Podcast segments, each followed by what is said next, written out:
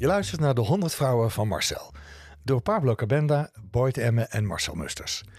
In deze aflevering praten we met Lisa van Ginneke. Een vriendin van me en lid van de Tweede Kamer sinds uh, vorig jaar. Ja, van D66. Voor D66 En inderdaad. ook heel bijzonder, uh, het eerste transgender in uh, de Nederlandse overheid. Ja, in de ja. Tweede Kamer. Ja, Ja. zeker bijzonder. Ja. Lijkt me ook wel raar trouwens. Ja, waarom? Nou, dat je dus transgender bent en dat het daar ook altijd over zal gaan. In eerste instantie. Ja, ja, Godzijdank, nou niet godzijdank, maar ik weet dat ze in ieder geval niet eh, alleen daarmee bezig is. eh, ja, ze heeft nog heel veel andere dingen in de portefeuille. Ze heeft eh, mobiliteit, mobiliteit, Familierecht. familierecht, ICT volgens mij ook, veiligheid, Ja. digitale veiligheid. En ze heeft in het college van rechten van de mensen gezeten een tijd. Mhm. En als ehm, Transvisie, de, de belangenorganisatie van transgenders, is ze lang voorzitter Voorzitter. geweest. ja. Ze heeft heel veel gedaan. Ook amateurtoneel. Ze heeft, eh, is coach geweest. Ja. Ja, ja ik, ik, ik, ik, denk dat ze veel te vertellen heeft. Ja. Ja. En, en ze is trouwens ook nog Brabants, net als ik. En Brabant. Dat schept een band. ja, we gaan het horen. We gaan het horen.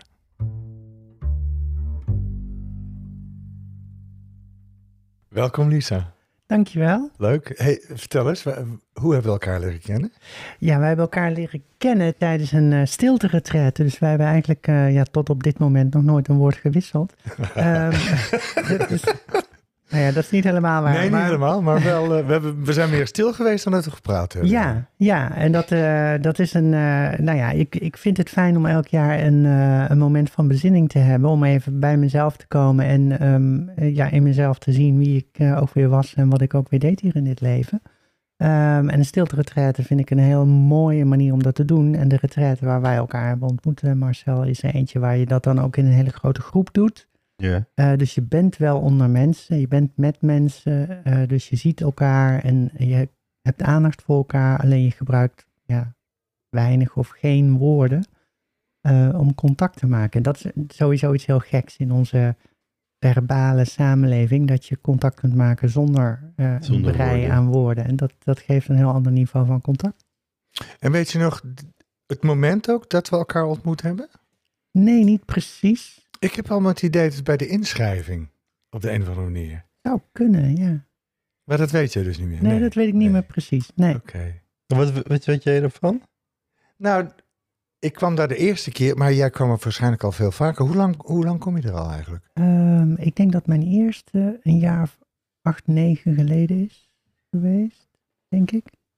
Oké, bij mij denk ik een jaar of vijf waarschijnlijk. Maar jij ging dus elk jaar eh, daar, daar naartoe? Ja. Echt een moment om even bij te tanken, mentaal en emotioneel. En nou ja, Ja. gewoon. En hoe wist je dat dat bestond? Ja, ik ben dat ooit op het spoor gekomen door mijn kruidenvrouwtje. Zo noem ik haar altijd heel eh, liefkozend. Dat is een, eh, een vrouw die ik ooit een keer ontmoet heb. Die, eh, nou ja, met, met, met ehm, persoonlijke ontwikkeling bezig is. Maar ook vanuit de spirituele invalshoek. Dus niet heel Hm. erg eh, neurolinguistisch programmeren en dat soort conceptuele, eh, bijna rationele aanpakken. Maar meer vanuit eh, ja, het mens zijn en, en de diepere lagen. Mhm. Ehm, en ik kwam haar ooit op. En zij, had, zij vertelde mij dus over die stilte. En ehm, ik dacht eerst van, nou, dat lijkt me helemaal niks. Een week lang niks zeggen. Ehm, maar ik heb het een keer geprobeerd en ik was eh, meteen verkocht.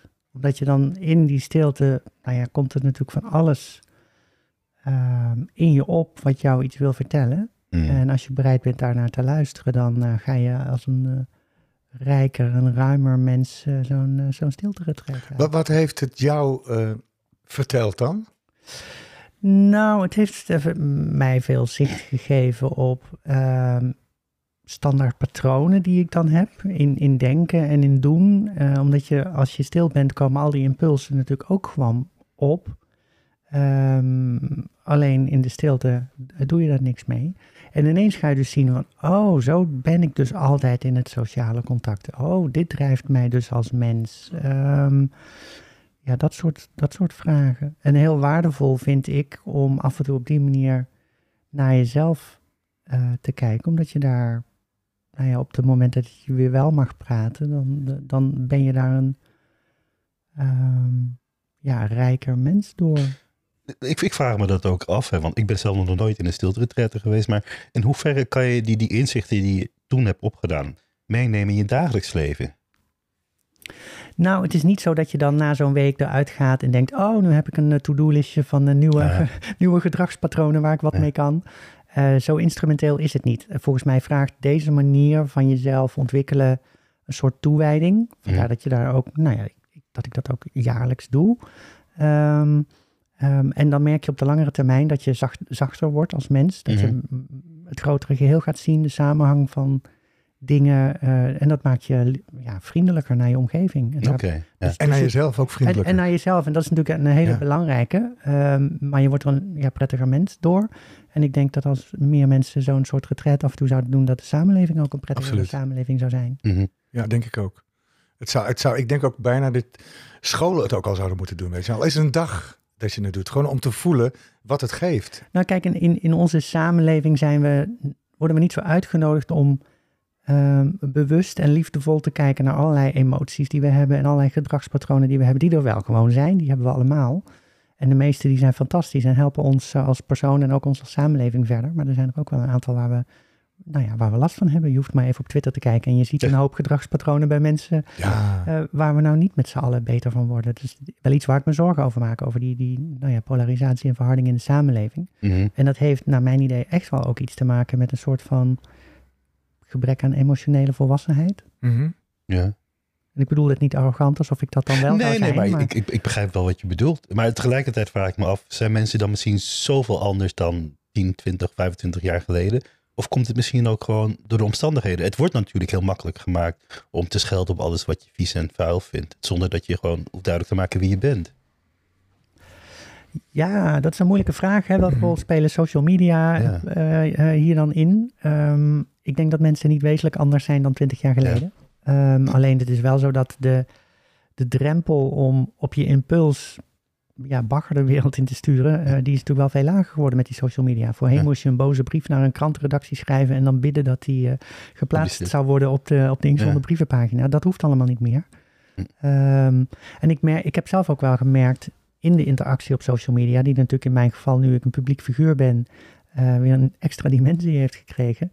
ehm, dat op het moment dat je op social media laat zien dat je ook een mens bent, ehm, dat die interactie ineens ook een stuk milder wordt. Ik, ik, Ja. ik zal een voorbeeld geven. Ik had een eh, tijdje last van, nou ja, wat ik allemaal noem, een stalker op, eh, op Twitter. Ja. Wat ik ook eh, op Twitter deelde, deze persoon die reageerde op elke tweet van mij ehm, met een soort referentie aan, eh, aan eh, dat ik een man was. En eh, ja, in het begin negeerde ik dat gewoon. Ik krijg genoeg bagger over me heen op social media, daar ben je wel aan gewend. Maar ja, hij deed het zo structureel en stelselmatig dat ik op een gegeven moment dacht, ik ga hem gewoon een, een direct message sturen. Van joh, het valt me op dat je dit doet. Eh, ben je ervan bewust dat dat kwetsend is voor transgender personen in het algemeen en ook kwetsend eh, is voor mij? Ehm, en ehm, ja, mag ik je vragen waarom dat je dat eigenlijk doet? En dan ontstond dus op ja, een, een, een- een gesprekje via DM'tjes. Ja. En dat was niet per se een heel fijn, warm eh, gesprek. Het was ook niet dat we ontzettend nader tot elkaar kwamen. Maar nadat ik die, die, die hand had uitgereikt en het gesprek was aangegaan, heeft hij het niet meer gedaan. Kijk, Oké.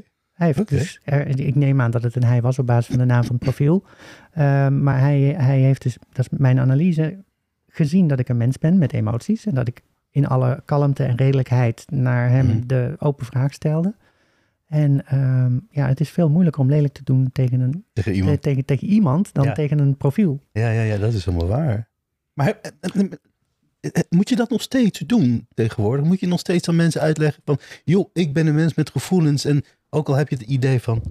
eh, eh, eh, je mag alles tegen me zeggen omdat ik transgender ben. Het, is, het zit toch wel anders. Heb je nog steeds het gevoel dat je moet verdedigen?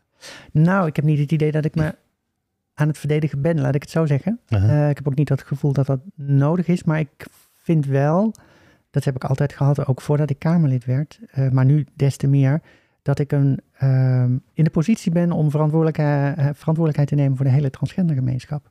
Dus als ik me dan uitspreek over Ja. al die bagger, dan doe ik dat niet voor mezelf, want ik weet dat die bagger niet over mij gaat.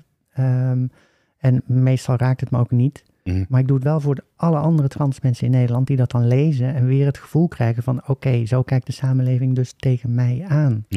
Ehm, en ik vind, eh, dat vind ik triest. Hè, dat, er, dat er dus mensen zijn die stelselmatig, eh, ja, mensen die anders zijn, in een hoek proberen te drijven. En de transgendergemeenschap is daar een heel duidelijk voorbeeld van. Want we hebben het eh, ja, best zwaar in de samenleving als je kijkt naar Mm. discriminatie en geweld en uitsluiting. Ehm, dus ik vind het een, ja, bijna mijn taak en ook wel een mooie taak om er daar dan eh, steeds weer over uit te blijven spreken. Ja. Goed hoor. Ja. Vind ik heel goed. Ik weet, nog, voordat je hier kwam, had ik nog even gesprek met Marcel. En eh, wat heel vaak gebeurt met transgenders in dit geval, maar met, met mensen van andere minderheden, is dat ze tegen wil en dank vaak gewoon ehm, een soort van spreekbuis moeten zijn, een rolmodel. Ik weet nog, je had nog bij, eh, was het Zomergasten met eh, Maxime Februari? Mhm. Die vertelde ook het een en ander over. En ik, ik kan me voorstellen dat je daar een hele mooie, nobele taak in ziet. Maar tegelijkertijd kan het ook misschien aanvoelen als een soort van blok aan je been. om- omdat je nou eenmaal, omdat wie je bent, je een bepaalde taak moet uitvoeren. Ja, nou het is wel een taak die niemand aan mij opgedrongen heeft, die ik zelf voel. Ehm, maar ik snap helemaal wat je zegt. Hè. Ehm, eh, ik, ik ben niet eh, eh, ook de Tweede Kamer ingegaan om, omdat ik een transpersoon ben. Ik ben de Tweede Kamer ingegaan omdat ik een, eh, een bijdrage wil leveren aan een mooiere samenleving. Ehm, en dat vooral doe op thema's die helemaal niets met trans zijn te maken hebben. En dat vond ik ook wel belangrijk. Hè, want ik, ik zet me in voor een, een eerlijkere en veiligere digitale samenleving. Ik zet me in voor mobiliteit die mensen bij elkaar brengt op een duurzame manier. Ehm, ik, ik zet me ook in voor personen- en familierecht, zodat iedereen kan leven op de manier en met, eh, en met wie die wil. Eh, met ook een nou ja, wettelijke erkenning daarin. Ehm, daar zit vrijwel niets transgenderachtig in. Ja, goed is dat, hè? Eh, en dat vind ik ook belangrijk, want, want ehm, kijk, als ik in de Kamer zou gaan om alleen maar transgender belangen te behartigen, dan is dat wel een hele smalle basis. En dan bevestig je volgens mij Mhm. heel erg het beeld wat al leeft in de samenleving. Dat transgender mensen niks anders zijn dan een transgender persoon. Die misschien een spannend verhaal kunnen vertellen over hun transitie, maar Ja. dat is het dan. Ja. En eh, ik wilde juist heel graag laten zien dat ik met 15 jaar ervaring eh, in de ICT echt wel een zinvolle inhoudelijke bijdrage kan leveren aan het beter maken van onze digitale samenleving. En ik denk dat dat eh, het meest emanciperende is wat ik kan doen voor de transgendergemeenschap. Dus ik heb het er heel vaak niet over. Eh, maar dat geeft me juist ook de ruimte om, nou ja, als het nodig is, wel gewoon die rol eh, op, het, op, het, op me te nemen en dan spreekbuis te zijn voor, eh, voor de transgendergemeenschap. En je, maar je bent ook heel lang, eh, heb je gewerkt bij Transvisie. Of, eh, Klopt, klopt. Ja. Kan je daar iets over vertellen Ja. wat dat was? Nou, transvisie is, eh, ja, want het bestaat inderdaad nog steeds. Eh, transvisie is een na- nationale belangenorganisatie voor transgender mensen. En transvisie zet zich heel erg in voor ehm, eh, toegankelijker en beter maken van de medische zorg voor transgender mensen en de emancipatie in de samenleving in het algemeen, maar focust zich met name op die medische zorg. Ehm, want die is niet toegankelijk. Er zijn vreselijke lange wachtlijsten. Oh jij? Eh, ja, als je nu eh, naar een van de eh, gendercentra gaat in ons land en je zegt van goh, ik zou eigenlijk een medische tra- transitie willen doormaken, dan moet je gemiddeld twee, tweeënhalf jaar wachten voordat je überhaupt je eerste gesprek hebt. Oh. Ehm, en dat is natuurlijk zo ontregelend voor mensen. Dat, dat, kun je, dat, ja, dat kun je mensen niet aandoen om zo lang te wachten in zo'n ingrijpend proces. Eh, dus daar hebben we ons heel erg eh, voor ingezet om dat te verbeteren. En dat is eigenlijk wel gelukt, maar per saldo, omdat er steeds meer mensen die zorg eh, zijn, naar de weg naar die zorg hebben gevonden, is er per saldo niks veranderd. Hoewel de Ja, ja, capaciteit ja. wel enorm is toegenomen de afgelopen jaren. Ehm, dus da- daar zetten wij ons, wij, grappig, daar zet Transvisie zich, zich voor in. Ehm, eh, en Transvisie organiseert ook meer dan 100 eh, eh, ja, contactgroepbijeenkomsten per jaar. in, op verschillende plekken in Nederland ook. Eh, waar mensen met elkaar in gesprek kunnen komen. Dus trans mensen met elkaar, maar ook de naasten. Bijvoorbeeld ouders van transkinderen of partners van trans mensen. Die kunnen dan ja, hun ervaringen uitwisselen. En op die manier steun ervaren in hun eigen proces. Dat is ontzettend waardevol. En ik heb het een grote eer gevonden om ehm, ja, een aantal jaar daar, eh, daar voorzitter van te mogen zijn. En eh, die kart te mogen trekken. En hoe ben jij daarbij gekomen? Nou, ik ben eigenlijk, eh, ja, zo gaat dat dan altijd via via. Ik ben een keer gevraagd om een van die contactgroepen eh, eh, te, gaan, te gaan begeleiden. Een groep met jongvolwassenen. dus nou ja, trans mensen van, laat ik zeggen, 18 tot, tot 30 jaar. Dat is dan een beetje mijn definitie van jongvolwassen. Ehm, en dat heb ik een tijdje gedaan. Ik heb, want ik heb jarenlang een praktijk gehad als, als coach. Mhm. Ehm, dus dat vond ik ook heel erg goed daarbij passen. Ik dacht, nou, dat is mooi om dan gesprek tussen die jongeren ehm, ja, te begeleiden. En dus ik was daarvoor gevraagd. Ik heb dat tijdje gedaan en al heel snel begon ik met van alles eh, eh, te bemoeien binnen die organisatie. En voor je het weet ben je dan voorzitter.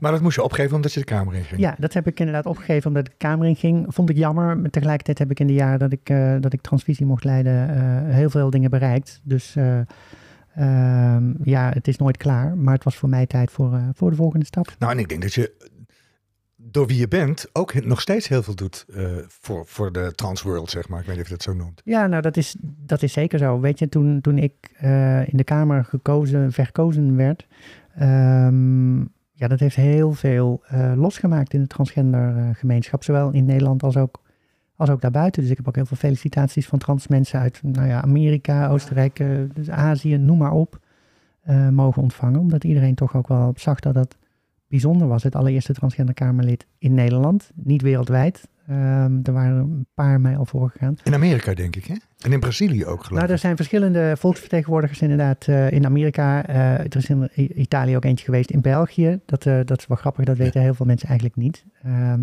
maar de huidige vicepremier van België is een transvrouw. Oh, wat goed. En zij heeft eerst ook daar in, in het parlement gezeten. Dus.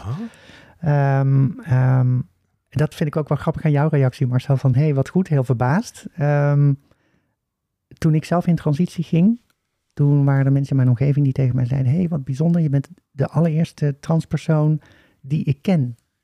En dat vond ik in het begin ja, een best wel gekke opmerking eigenlijk. En ik ben al vrij snel daar steeds iets op gaan antwoorden. Van ja, de eerste die jij kent, voor zover je weet. Ja, ja, ja, ja. Want de ja. aanname, en Ja. dat is dus het gekke eraan, de aanname is dat je een transpersoon altijd van mijlenver zou moeten Ja. herkennen.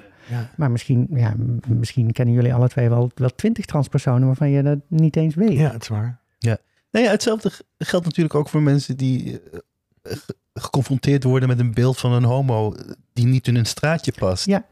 Dan eh ze, oh, oh, wat gek. Ik wist niet. eh, dan ben je natuurlijk eentje waar je het niet kan zien. Ja, dat zeggen ze zo vaak tegen mij.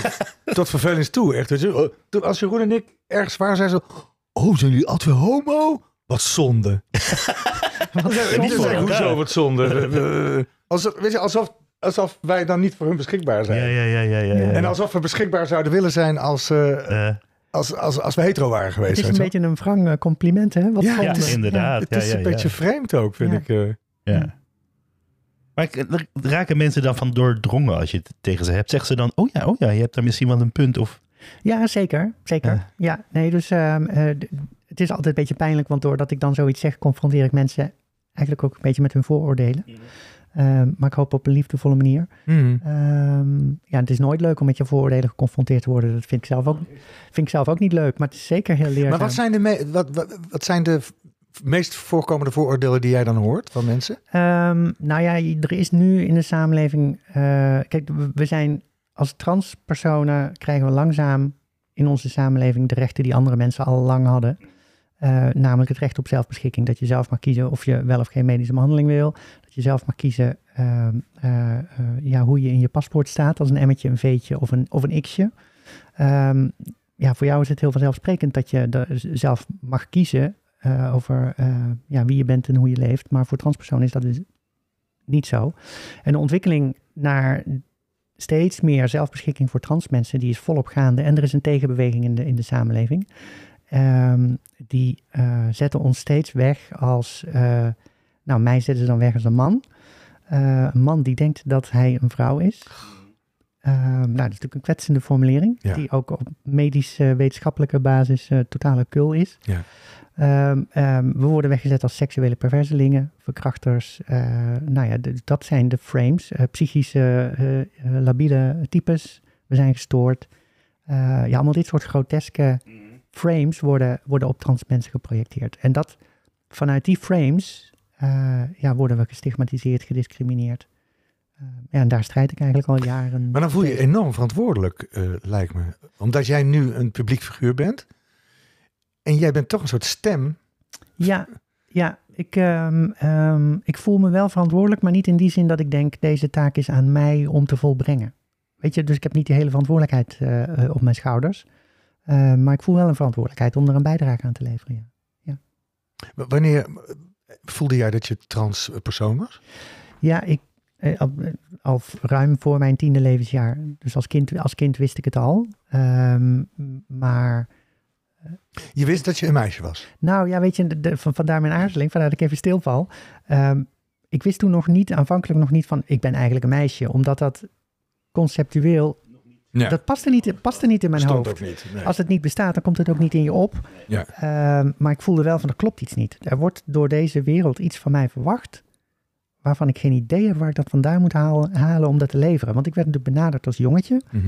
Ehm, nou ja, dat was natuurlijk ook nog een andere tijd, maar nog steeds is er heel veel genderstereotypering in hoe eh, kinderen opgevoed worden. Ehm, dus ik werd ook ja, opgevoed als jongetje. En ik vond dat op een of andere manier ingewikkeld en kon er niet zo goed de vinger op leggen. Eh, maar ik dacht, ja, dit klopt niet bij wie ik ben. En toen zag ik, toen ik een jaar of zeven of acht was, ik weet het niet meer precies, ehm, op televisie een documentaire over een transvrouw. Ik weet nu dat dat zo heet, maar dat wist ik toen Mhm. helemaal niet. Ehm, en ik zag daar eh, ja, deze persoon die bezig was met een transitie naar vrouw zijn. Eh, en dat maakte zo'n diepe indruk op mij, omdat ik eigenlijk mezelf herkende. ehm, maar dat nog niet zo hard op durfde toe te geven. Maar ineens opende zich een nieuwe wereld voor mij van hé, hey, dit bestaat dus. En eh, ja, nadien begonnen er steeds meer kwartjes ook bij mij te vallen van ja, dit, dit gaat echt over mij. Ehm, maar ik voelde nooit, nooit ruimte om daar op die leeftijd al ja, mee aan de slag te gaan, om het zo maar te zeggen, om dat uit te spreken. Omdat ik niet opgegroeid ben in een tijd en in een omgeving waar je over dit soort dingen heel makkelijk en open. Ja, ik bedoel, homoseksualiteit was toen waarschijnlijk ook al een soort van sociaal taboe, laat staan transgenderisme. Ja, ja. ja. Nou ja, precies. Dus, ehm, dus ik heb heel lang mijn best gedaan te voldoen aan het beeld en een leven als man op te bouwen, want dat werd tenslotte van mij verwacht. Maar dat ja, ging steeds meer wringen. Ja, dat lijkt me ook. Want hoe ouder je wordt, hoe duidelijker het wordt. Ja, Terwijl je ook dan in een parallel leven zit. Want je leeft het leven zoals de maatschappij dat voor je bedacht heeft. precies. Ja, en dat is, ehm, dan, dan doe je jezelf eigenlijk elke dag een beetje geweld aan. Man. Ehm, en dat eh, kun je best een tijd volhouden, maar op een gegeven moment is het klaar. Omdat je denkt, ja, als ik mezelf serieus wil nemen, als ik dit leven serieus wil nemen, dan moet ik die gevoelens ook serieus nemen. En dan moet ik de consequenties accepteren. En wanneer heb je, dat, heb je die stap genomen, zeg maar? Ja, Dat, rond mijn veertigste. echt waar? Ja. Jezus. Ja. Dus je hebt al die tijd geschipperd, zeg maar. Met, ja, geschipperd. Ja, het is natuurlijk niet zo dat ik 40 jaar lang elke dag een ellendige leven heb gehad. Nee, want er is genoeg te genieten in het ja. leven wat niets met gender te maken heeft. Ehm, maar het heeft altijd een rol gespeeld. Ja, want de core is natuurlijk wel daar, eh, dat je vrouw bent. En niet dat lichaam hebt. ja, Of niet als zodanig wordt erkend, ja, lijkt mij. nou ja, dat is het. Hè. Het, is, het, is, het is die interactie van wie jij bent eh, met, met jouw omgeving, waarin je gewoon gezien en erkend wil worden als wie, als wie je bent. Mhm. En dat, ja, dat is 40 jaar lang bij mij natuurlijk niet kloppend ge- geweest. maar je sprak er wel over. Had je wel mensen waar je daarmee over kon praten?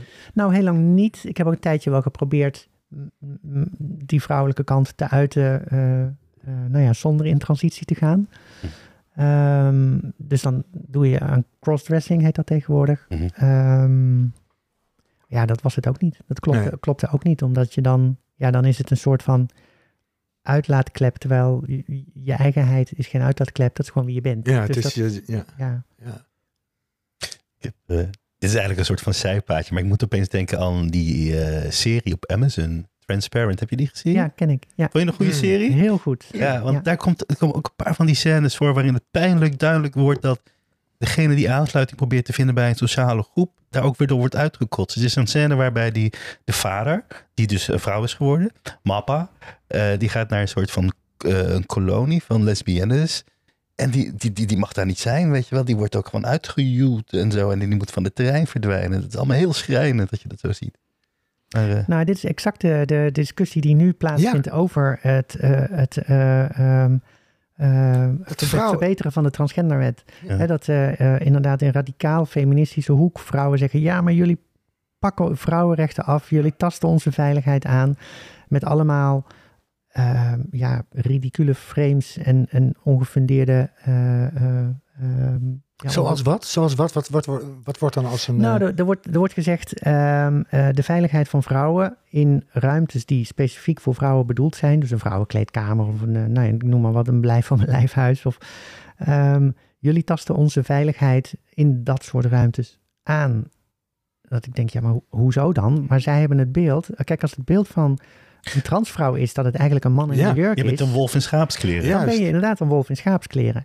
Ehm, dus als dat je vertrekpunt is, dan snap ik die angst wel. Mhm. Natuurlijk is dat dan een, een beangstigend idee. Alleen is het natuurlijk niet zo dat de transvrouwen eh, mannen in een jurk zijn. Dat zijn eh, vrouwen die de pech hebben gehad in een mannenlichaam geboren te zijn. Ehm, en die zijn geen- op geen enkele manier een bedreiging. En con- con- concreet, eh, er er is namelijk ook helemaal geen ja, bewijs voor dat dat zo is. Er zijn eh, altijd een paar incidenten waar daarnaar verwezen wordt. Er is bijvoorbeeld een incident geweest in, eh, in, in het Verenigd Koninkrijk. Een, eh een zedendelinquent, veroordeeld voor het verkrachten van vrouwen, komt in een, nou ja, mannengevangenis, trekt daar de conclusie, ik ben een vrouw, ik wil in transitie, en wordt dus overgeplaatst naar een vrouwengevangenis en verkracht daar twee medegedetineerden. Ja, ja, ja. Dan denk ik, ja, is dit nou eh, een, een transpersoon geweest? Eh, zou kunnen. Maar hoe dan ook, is eh, het voor de, voor de, voor de, hoe moet ik dat zeggen? Nou ja, casebehandelaars, eh, die hadden toch wel moeten snappen dat een zedendelinquent die veroordeeld is voor het verkrachten van vrouwen, die plaats je niet zomaar zonder meer in een vrouwengevangenis. Dus, dus, dus door zo'n incident wordt het hele debat over... moet je nou transgender mensen zelfbeschikking geven... of moeten die permanent onder curatele blijven van een psycholoog? Want dat is dan een beetje wat, wat, wat voorgesteld wordt. Eh, eh, met dit soort voorbeelden wordt dat debat een beetje vergiftigd. Terwijl het natuurlijk als je probeert te beseffen... dat iemand zegt... deze groep in onze samenleving... die mag niet zelfstandig handelen... die moet bij elke stap door een psycholoog gecontroleerd worden... want dat is wat ze eigenlijk eh, willen... Dat is natuurlijk bezopen. Ja. Dat doen we met geen enkele andere groep in onze samenleving. Ja, en dan geef je inherent gewoon aan dat je die groepen gewoon psychisch niet in orde vindt. Exact, ja. Ja. Ja. En als dat nou op wetenschap eh, gestoeld zou zijn, eh, dan kun je daar vanuit mensrechtelijk perspectief nog van alles van vinden. Maar het is ook, er wordt al decennia lang onderzoek gedaan naar, naar transpersonen. In Nederland alleen al al v- 50 jaar. Eh, eh, er zijn best nog wel dingen die we er niet van weten. Eh, maar heel veel dingen weten we wel. En we weten dat transgender zijn gewoon bestaat. Dat die mensen eh, niet psychisch eh, in de war zijn. Die hebben alleen, zoals het dan netjes heet, genderdysforie. Dus die hebben een onbehagelijk gevoel bij hun gender, als ik het even heel eufemistisch vertaal. Ehm, en eh, de behandeling daarvoor is in transitie gaan. En dan, ja, dan is die genderdysforie weg of veel minder. En ehm, de zwaarte van transgender zijn komt vooral vanuit de samenleving, vanuit deze nou ja, kritische, discriminerende, stigma, stigmatiserende Ja. geluiden. Dus, dus trans mensen hebben nog steeds best wel veel last van eh, nou ja, depressie en eenzaamheid. Maar dat komt vanwege stigmatisering in de samenleving. En als we dat met elkaar oplossen door te erkennen dat trans mensen er gewoon ook mogen zijn. eh, en gewoon zelf mogen beschikken over hun leven. Dan, eh, dan lossen we dat probleem ook op. En hoe heb je daar spiritueel in jezelf mee, ben je daarmee omgegaan? Ja, ik vond het een hele moeilijke. En we, eh, ehm, tijdens de stilteretretes is dit ook heel lang natuurlijk ook, ja, wel een, een thema geweest. Ehm, want je komt dan ook op dat vlak heel veel in jezelf tegen. Ehm, wat ik er moeilijk aan vond, is dat ik in mijn hele proces van, nou ja, volwassen worden en, en dat zelfonderzoek, ehm, ben ik steeds meer een accepterende houding naar het leven gaan aannemen. Ik ben me steeds minder verzet tegen tegen hoe het leven is. Want als je meebeweegt en meebuigt, dan heb je, ervaar je ook gewoon veel minder stress. Ehm, dan is het leven leuker. Ehm, en dat vond ik lastig aan, eh, nou ja, dat ik, dat ik dit ben gaan snappen en op die manier ben gaan leven en dan tegelijkertijd ehm, tot de conclusie kom dat ik niet accepterend kan zijn naar eh, nou ja, mijn mannenlijf en, en de, de, de mannenopvoeding die ik heb gehad. Dat vond ik ingewikkeld. Ik heb heel lang gedacht, ja, maar dit moet ik, dit moet ik ook kunnen accepteren en omarmen. Ja, Eh, want dan komt meebewegen met de maatschappij neer op jezelf verloochenen. exact, dat was ook exact mijn conclusie. Van, eh, eh, ja, als ik dat dan. eh, ik, ik kan twee dingen accepteren. Ik kan accepteren dat ik een vrouw ben die in een mannenlichaam is geboren. En het er dan maar mee doen en als man door het leven gaan. Ik kan ook accepteren dat ik een vrouw ben die in een mannenlichaam is geboren. En de consequentie aanvaarden, aanvaarden om in transitie te gaan. Dat kan ik ook accepteren. Het zijn alle twee pittige, ingewikkelde keuzes. Eh, want mind you, een, eh, transitie is echt het is zo fundamenteel ontregelend. Eh, ik zeg wel eens, dat moet je eigenlijk niet willen. Maar Ja. als, je- als je het dan toch wil, dan klopt het waarschijnlijk voor je. Ehm, dus dat accepteren is ook al een enorm groot, grootste daad. En heb je nou het idee dat het een betekenis heeft? Dat het, dat het een reden heeft dat jij zo geboren bent? Poeh. Dat dit jou moet overkomen in je leven om Dat je er iets mee moet doen. Nou ja, je doet nu al zoveel. Ja, ik heb niet het idee dat, dat, het, dat het voorbestemd is of een, hè, dus op die manier een reden heeft. Dit is gewoon wat eh, ja, mijn situatie was en is. En ik ben ermee gaan dealen. Ehm, en ik zie wel dat door de ervaring die ik heb, ehm, ik iets te brengen heb. En dat probeer ik dan ook te brengen. Maar ik heb niet het idee dat dat de bedoeling van mijn leven was. Ik geloof sowieso überhaupt niet in bedoelingen van levens. Nee? Nee, nee, we zijn gewoon allemaal passanten en eh, enjoy the ride. Ehm, eh, volgens mij gaat het erom dat je voor jezelf tijdens je leven eh, ja, die bedoeling ontdekt en daar invulling aan probeert te geven. Maar er is niet een soort hoger plan. Het lijkt me wel fijn om voor jezelf een doel in het leven te hebben. In ieder geval even voor de korte, voor de korte termijn. Mm. Je moet gewoon de kaarten spelen die je gekregen hebt. Dat is, dat is het, ja. En, en doe er iets zinvols mee waar de wereld mooier van wordt. En dat is, ehm, eh, dat is denk ik, voor zover ik me met de opdracht van anderen mag bemoeien, dat zou dan de opdracht aan iedereen zijn van probeer er wat moois mee te doen. Maar ik vind het heel knap en ook moedig eh, hoe jij dat dan jouw leven eh, aan het vormgeven bent. Want als ik bedenk dat ik dat het bij mij dat ik in een vrouwen eh, een vrouw zou voelen, wat ik soms ook wel gedacht heb als kind, maar dat had met mijn homoseksualiteit te maken, denk ik. Maar als ik werkelijk denk wat dat met je doet, dat is zo groot en zo veel en zo pijnlijk ook. Dat je denkt, jezus, het kan niet, weet je wel. En, en daar moet je dus allemaal mee dealen. En je hebt zoveel stappen gemaakt. Ja, Ja. dat vind ik waanzinnig moedig en, en eh, bewonderenswaardig. En, eh, Ja, ik vraag me ook af waar, waar, waar, waar moed eindigt en ook gewoon een, zelf, een vorm van zelfbehoud begint. ja, maar het feit wat Lisa Nou, maar heeft- dat, dat, is, dat, is, dat is precies dat. Mhm. Eh, want tijdens mijn transitie ehm, hebben best wel veel mensen tegen mij gezegd, wat dapper. Ja, dat Mm. wou ik ook niet zeggen, maar ik, maar het is, maar ik zijn moedig trouwens. hè. Die zijn moedig. Ja, Want het ik is vind het anders. moed hebben. Ik vind, Ja. Dat is iets anders dan dapper. Nee, ja, dat, die, die- ja, laten we niet een semantische discussie ingaan. Maar ehm, ehm, kijk, ik vind iets moedig als je twee opties hebt en kiest voor de lastigste. Dat is moedig. Ja. Eh, maar ik kwam op het punt in mijn leven dat ik eigenlijk nog maar één optie had. Ik moest dit doen. Ik zag op dat moment, toen ik uiteindelijk natuurlijk de, de sprong waagde, ook geen andere opties meer. Om nog iets van een leven, laat staan een gelukkig leven, te kunnen, te kunnen hebben. Ik moest dit, ik moest dit doen. Ja, maar dat vergt toch moed? Ja, nou ja, Dat is toch moed dat je je bij elkaar moet rapen en dat, dat doen. het was grenzeloos beangstigend. Ja. Om het, eh, om, het, eh, om het aan te gaan. Omdat je weet van ja, ik ga nu iets doen ehm, wat al buiten mijn eigen eh, denkkader valt, terwijl ik er toch al een tijdje mee bezig ben. Ja. Ehm, dat is voor de omgeving, ja, is dat natuurlijk nog in veel grotere mate zo. Ehm, en ik ga het toch doen en ik weet niet waar ik uitkom. Met name dat, hè. het is een ingrijpende beslissing. En je probeert van tevoren zo goed mogelijk te bedenken waar je dan uit gaat komen. Maar dat weet je helemaal niet. Uiteindelijk, en dat is denk ik met heel veel keuzes in het leven. ehm, we proberen dan van tevoren in te schatten wat iets gaat opleveren, maar je weet het gewoon niet. Dus je moet je wat dat betreft ook ehm, op je intuïtie vertrouwen en maar gewoon springen. En ook vertrouwen dat als je springt en in het zwembad terechtkomt, dat je nog weet hoe je moet zwemmen. Ben je nou heel gelukkig? Ik ben heel gelukkig dat ik deze stap heb genomen. Ja. Eh, want ik merk dat nu ik met mezelf ben samengevallen, ehm, ja, is er een soort basis in mijzelf van waaruit ik alles kan doen. Ik had nooit Kamerlid kunnen zijn eh, tijdens mijn eh, leven als man. Daar was ik, was ik veel te wiebelig voor van binnen, veel te instabiel, veel te klein. En nu, eh, ja, nu voel ik mezelf staan als een huis. Dat wil niet zeggen dat ik nooit eens ergens nerveus over ben.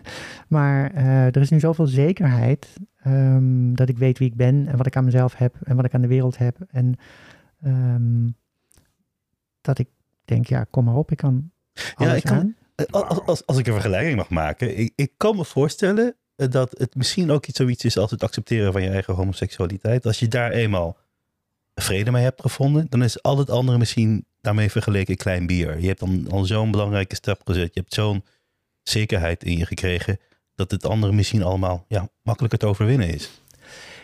Ehm, ja, ik weet niet of dat zo is. Maar ik geloof wel dat we dat onszelf wijsmaken. Maar ik, eh, ik weet niet of dat zo is. Hè, of al het andere dan makkelijker te overwinnen is. Maar je weet wel van... ehm, ehm, je weet wat voor... Nou, je weet wat je zelf in huis hebt om moeilijke dingen te overwinnen. Je weet hoe je het de vorige keer gedaan hebt bij dat hele moeilijke. Ehm, nou ja, en dat maakt het dan ook makkelijker om andere dingen aan te gaan. Omdat je denkt, ja, dat zal ik vast ook wel op een of andere manier overleven. Ik zal daar vast ook wel uitkomen. Welk moment was het dat je besloot eh, in transitie te gaan? er was niet. ehm, dit is een, een, een beslissing die niet te nemen is. Want de beslissing, dat is iets heel rationeels, hè? Ja. Ehm, en dit is natuurlijk niet een rationele beslissing. Eh, het is niet dat je een tabelletje maakt met plussen en minnen en eh scoren gaat berekenen en denkt, oh, oké, nou, ik ga het doen. Eh, v- voor mij was het ook echt heel erg een proces, heel erg zoeken. Ehm, eh, ik heb ook geprobeerd heel erg die toekomst naar het heden te halen door dingen te proberen. Dus ik heb ook een tijdje, ik noem dat altijd stage lopen, een tijdje stage gelopen eh, als vrouw. Dus toen leefde ik een deel van de tijd als vrouw en een deel van de tijd als man. Ah, dat lijkt me verwarrend. Dat was het ook. Kan, ik, kan ik niemand aanraden. Nee. Jeetje. Maar toen ik jou leerde kennen, eh, was jij toen ook al medisch, zeg maar, fysiek? Ehm, eh, eh, nee, niet waar trouwens. Want dat weet ik. Je bent toen naar Thailand gegaan. Klopt, ja. Waarom Thailand eigenlijk? Omdat je dan anders langer mo- moest wachten? Dat is een, dat is een, eh, een factor, ja. En zijn ze beter ook of zo? Eh, nou ja, ik was in ieder geval heel tevreden over de zorg die ik daar kreeg. Omdat ze daar heel veel ervaring hebben en heel gespecialiseerde zorg hebben. Dat hebben we hier in Nederland ook wel. Maar je ziet dat daar... hi- hier ga je je chirurgie doen in een ziekenhuis. Zal ik maar zeggen, een algemeen ziekenhuis. En daar heb je gespecialiseerde klinieken. Aha. eh, met gespecialiseerde verpleegsters. Die niks anders doen dan die... eh, ja, eh, niet alleen je lichaam verzorgen, maar ook dat emotionele proces waar je dan in zit. Goh. Dus voor mij klopte dat. Het voelde ook wel een klein beetje als eh, ehm, ja, een soort overgangsritueel. Hè? Je trekt je terug in de jungle en je komt terug. ja, komt herboren daar weer uit. Ja. Dat was het ook. ja, dat was het ook wel een klein beetje voor me. ja, ik herinner nog foto's ook van je dat je in Thailand was ook. Ik weet niet hoe ik die gezien heb. Misschien van iemand van Anja, ik weet het niet. Ja. Wow. Nou, ik heb daar destijds ook wel over gedeeld. ja, ja, ja. eh, ja. op Facebook geloof ik. Ja. Heeft het je misschien ook opener gemaakt? De, de, de transitie zelf, het feit dat je natuurlijk eh, nu ook Kamerlid bent en je bent een openlijk transgender persoon, heeft dat je een, ja, een opener mens gemaakt naar men, andere mensen toe, ook in de politiek? Ik probeer eh, eh, wel heel erg eh, ja, mijn werk open te doen in de zin van, ik probeer het te doen vanuit wie ik ben. Dus ik probeer niet een politicus te spelen. Ehm, laat staan dat, je, dat dat iets is wat je kunt zijn. Ik probeer gewoon vanuit wie ik ben als mens het beste te doen wat ik denk dat het beste is voor onze samenleving. Ehm, en dat geeft een soort, ja, misschien wel nuchterheid die mensen wel aanspreekt. Merk, dat hoor ik terug in elk geval. Ja? ja. Wat zeggen mensen tegen je erover? Nou, dat ik zo, zo duidelijk ben en zo open en ja. Nou ja, Zo lekker Brabants ook nog. zo lekker Brabants. Oh, Ja, dat vind ik zo leuk. Dat het... Zit je uit Tilburg of... eh, Nee, Breda. Breda, Breda, ja. ja. Toch? Breda kom je of niet? Ja, ik kom uit, Of in ieder geval weg. Of die... Ja, zeker. Nou, ja, mijn roots liggen duidelijk in Breda. Ja. Ik ben eh, geboren en opgegroeid in Oosterhout. Ligt tegen, tegen Breda aan. Ik heb ook tien jaar in Breda gewoond. Dus Breda is wel mijn, eh, Ja, oh, ja, grappig. mijn ja. geboortegrond. Ja. En vrienden van me, die wonen daar in het Ginneke, of op het Ginneke, of hoe zeg je dat? Ja. Ja. En, en, en jouw familie, eh, of als je er niet over, eh, sowieso, hè, als je niet wilt praten erover. Ik ben zo benieuwd hoe je ouders dan reageerden en je echt naast de familie. Ja, weet je, zo'n transitie is heel ingrijpend ook voor de omgeving. Hè? Ja. Dus ik zeg altijd, de transpersoon die kiest er dan voor om in transitie te gaan. De omgeving kiest daar niet voor, maar moet ook in transitie in zekere zin. Ja. Ehm, dus dat, dat er, ja, roept soms ook ja, in de omgeving wel heftige en emotionele reacties op. En dat is bij mij ook zo geweest. Ja, ik ga er verder niet al te veel details Ja, maar het lijkt me zo over lastig dat je daar, zo, ah, daar ook nog allemaal mee moet dealen. Het is zo'n Ja, palet zeker, aan zeker. dingen waar je, man, Ja, terwijl je alleen maar steun nodig hebt om, om jezelf te kunnen zijn. Nou, dat is het lastige eraan, dat je in dat proces op sommige momenten even geen steun kunt krijgen van iemand van wie je dat wel zou willen krijgen, omdat hij op dat moment zelf ook in het proces zit. Ja, mijn advies naar andere trans mensen is ook altijd, eh, snap dat. Begrijp dat, dat andere mensen ook in een, ja, een, een, een soort transitie meemaken. Dat, dat je als ouders van een transpersoon ineens moet bedenken van, hé, hey, eh, we verliezen een zoon, we krijgen een dochter. Help, hoe doe je dat nou eigenlijk? Ehm, want dat, dat, dat ga er maar aan staan om dat in je hoofd weer kloppend te krijgen. Eh, en dat gebeurt allemaal wel, komt uiteindelijk allemaal goed, maar is ook voor de omgeving ingrijpend. Dus die kunnen er niet altijd voor je zijn. En dat maakt zo'n transitie, hoewel ik, ja, ik zelf ook uit mijn omgeving ook veel steun heb gehad, naast ook de afwijzing, ehm, maakt het, het soms toch wel een fundamenteel eenzaam proces. Je moet het wel echt eh, ja, zelf doen. Ja, ja. En je hebt het gedaan. Ik heb het gedaan. Stoer hoor. En hoe is het nou om eh, als Tweede Kamerlid actief te zijn? Ja, dit is echt de meest waanzinnige baan die ik ooit heb gehad. Oh ja? Ja, Je moet er niet aan denken, alles wat jij moet doen op een dag. nou ja, dat is inderdaad wel een uitdaging. Het is een, eh, het is een achtdaagse werkweek, dus je bent permanent be- bezig eigenlijk. Je bent nu een jaar bezig ongeveer, hè? Ja, ongeveer. Ja. Ja. ja, En eh, dus het is, het is, het is ehm, uitdagend in de zin van wat je er allemaal in moet stoppen aan energie. Mhm. Ehm, dus dat moet je goed managen. En ik denk dat, nou ja, als je dit nog een paar jaar doet, dat je dat dan ook veel beter onder de knie hebt. Het is echt wel eh, pittig om, om dat goed georganiseerd te krijgen. Maar wat is het een, een fantastische, eh, eervolle en inspirerende eh, ja, omgeving om te mogen Ja, ik, ik, rondlopen. ik moet er niet aan denken om in de Tweede Kamer te zitten. Dus je moet me maar even uitleggen wat er zo inspirerend aan is. Nou, wat mooi is, is eh, als ik het heel plat sla, ik kan de wereld verbeteren. Ik heb maar twee dingen nodig. En dat is een goed idee en een meerderheid. nou, Oké. En dan- God, ja, je bent echt een politicus. Ja, goed, je kan het zo allemaal verkopen. Ik ben helemaal, je hebt me helemaal overtuigd. Dus als, als, ik dat, als ik dat dan zo samenvat, dan klinkt het ook heel simpel. In de Ja. praktijk is het natuurlijk veel, veel ingewikkelder. Want eh, kom maar eens met een goed idee waar niet al die ambtenaren en andere politici en bestuurders eh, allemaal al lang een keer over hebben nagedacht. Hè. Dus daar zit al een uitdaging in. En dan moet je natuurlijk ook nog dat ze politieke handwerk voldoende steun krijgen voor zo'n idee. En dat is ja, soms ontzettend ingewikkeld en kan bij hele ingewikkelde vraagstukken soms natuurlijk ook jaren duren. Maar in essentie is dat natuurlijk wat je eh, eh, wat zo mooi is aan deze rol, dat je op die manier impact kunt maken om de samenleving mooier te maken. Op de manier waarvan ja, jij dan denkt dat dat mooier is. Ehm, en je doet dat dan vervolgens ook nog in een omgeving waar alleen maar mensen werken die eh, een idee hebben om de wereld te verbeteren. Die super slim zijn, die gemotiveerd zijn, die geen 9 tot 5 mentaliteit hebben. Ja, dat is een. een Maar waar ook een hele hoop eh, eh, klootzakken tussen zitten. Zeker. Die, die het helemaal niet zo eh, bedoelen zoals jij bedoelt Nou, en veel anderen. Er zijn zeker ook mensen die, die zoveel, bij, bij wie het ego zo Ja. ontzettend in de weg zit om de wereld mooier te maken. Die zijn, proberen vooral zichzelf mooier te maken. Die zijn er ook. En helaas zijn het ook mensen die, die stemmen krijgen. Dat ja, want hoe deal je daar dan mee? Nou ja, weet je, ehm, eh, ze hebben stemmen gekregen. Dus ze vertolken een, een deel van, het, ja, van, van onze samenleving. Ehm, dus in mijn basishouding is, daardoor hebben ze eh, recht om daar te zijn. Tegelijkertijd zie ik sommige eh, personen en partijen, noem Forum voor Democratie bijvoorbeeld, die zie ik gedrag vertonen in de Tweede Kamer, maar ook daarbuiten, waarvan ik denk, ja, weet je, eh, ik wil best nog eh, ehm, eh, mezelf voorhouden dat jij alle recht hebt om hier te zijn, maar het zou wel fijn zijn als je je ook een beetje daarna gedraagt. Ja. Ehm, en dat je, dat je respectvol omgaat met collega-Kamerleden. En dat je niet in een debat iemand eh, bijna letterlijk voor het tribunaal sleept. ja. Eh, ja, op die manier komen we toch als samenleving geen stap verder. Nee, geen dus die, die, die vreselijke polarisatie die zij tot een verdienmodel hebben gemaakt. Hè, want dat is, ehm, ja, ze bedienen daarmee een achterban die daarvan smult. Ehm, maar het, het, het, verhardt het klimaat, het, het, het maakt scheuren in onze samenleving. Daar hebben we echt helemaal geen klap aan. Eh, ja, en, en toch, toch, toch zitten dit soort partijen in ons, eh, in ons Ja, politiek vreselijk. systeem. Ik, ik vraag me af, en eh, dat is ook altijd een vraag die, die men in de journalistiek stelt. En dat zullen andere politici vast ook wel doen. Hoe ga je daarmee om? Hè? Want aan de ene kant, als je daar te veel tegen, tegen beweegt, dan word je weggezet als, als, als eh, de foute, degene die het niet begrepen heeft. Mhm. En als je dat op zijn beloop laat, ja, dan geef je mensen alle ruimte en alle macht eh, die ze maar kunnen hebben. Ja, dit is het grote dilemma, hè. Ehm, ehm, want eigenlijk wil je ja, normeren, wil je zeggen, ho, wat je nou doet is echt niet oké. Je wil grenzen stellen. Eh, maar als je dat steeds benoemt, dan geef je het ook meer podium dan het eigenlijk verdient. Eh, maar ja, precies wat je zegt, als je niks doet, dan laat je het op, op, op het beloop. En dat is ook niet goed, want dan wek je ook de suggestie dat het normaal is wat die mensen doen.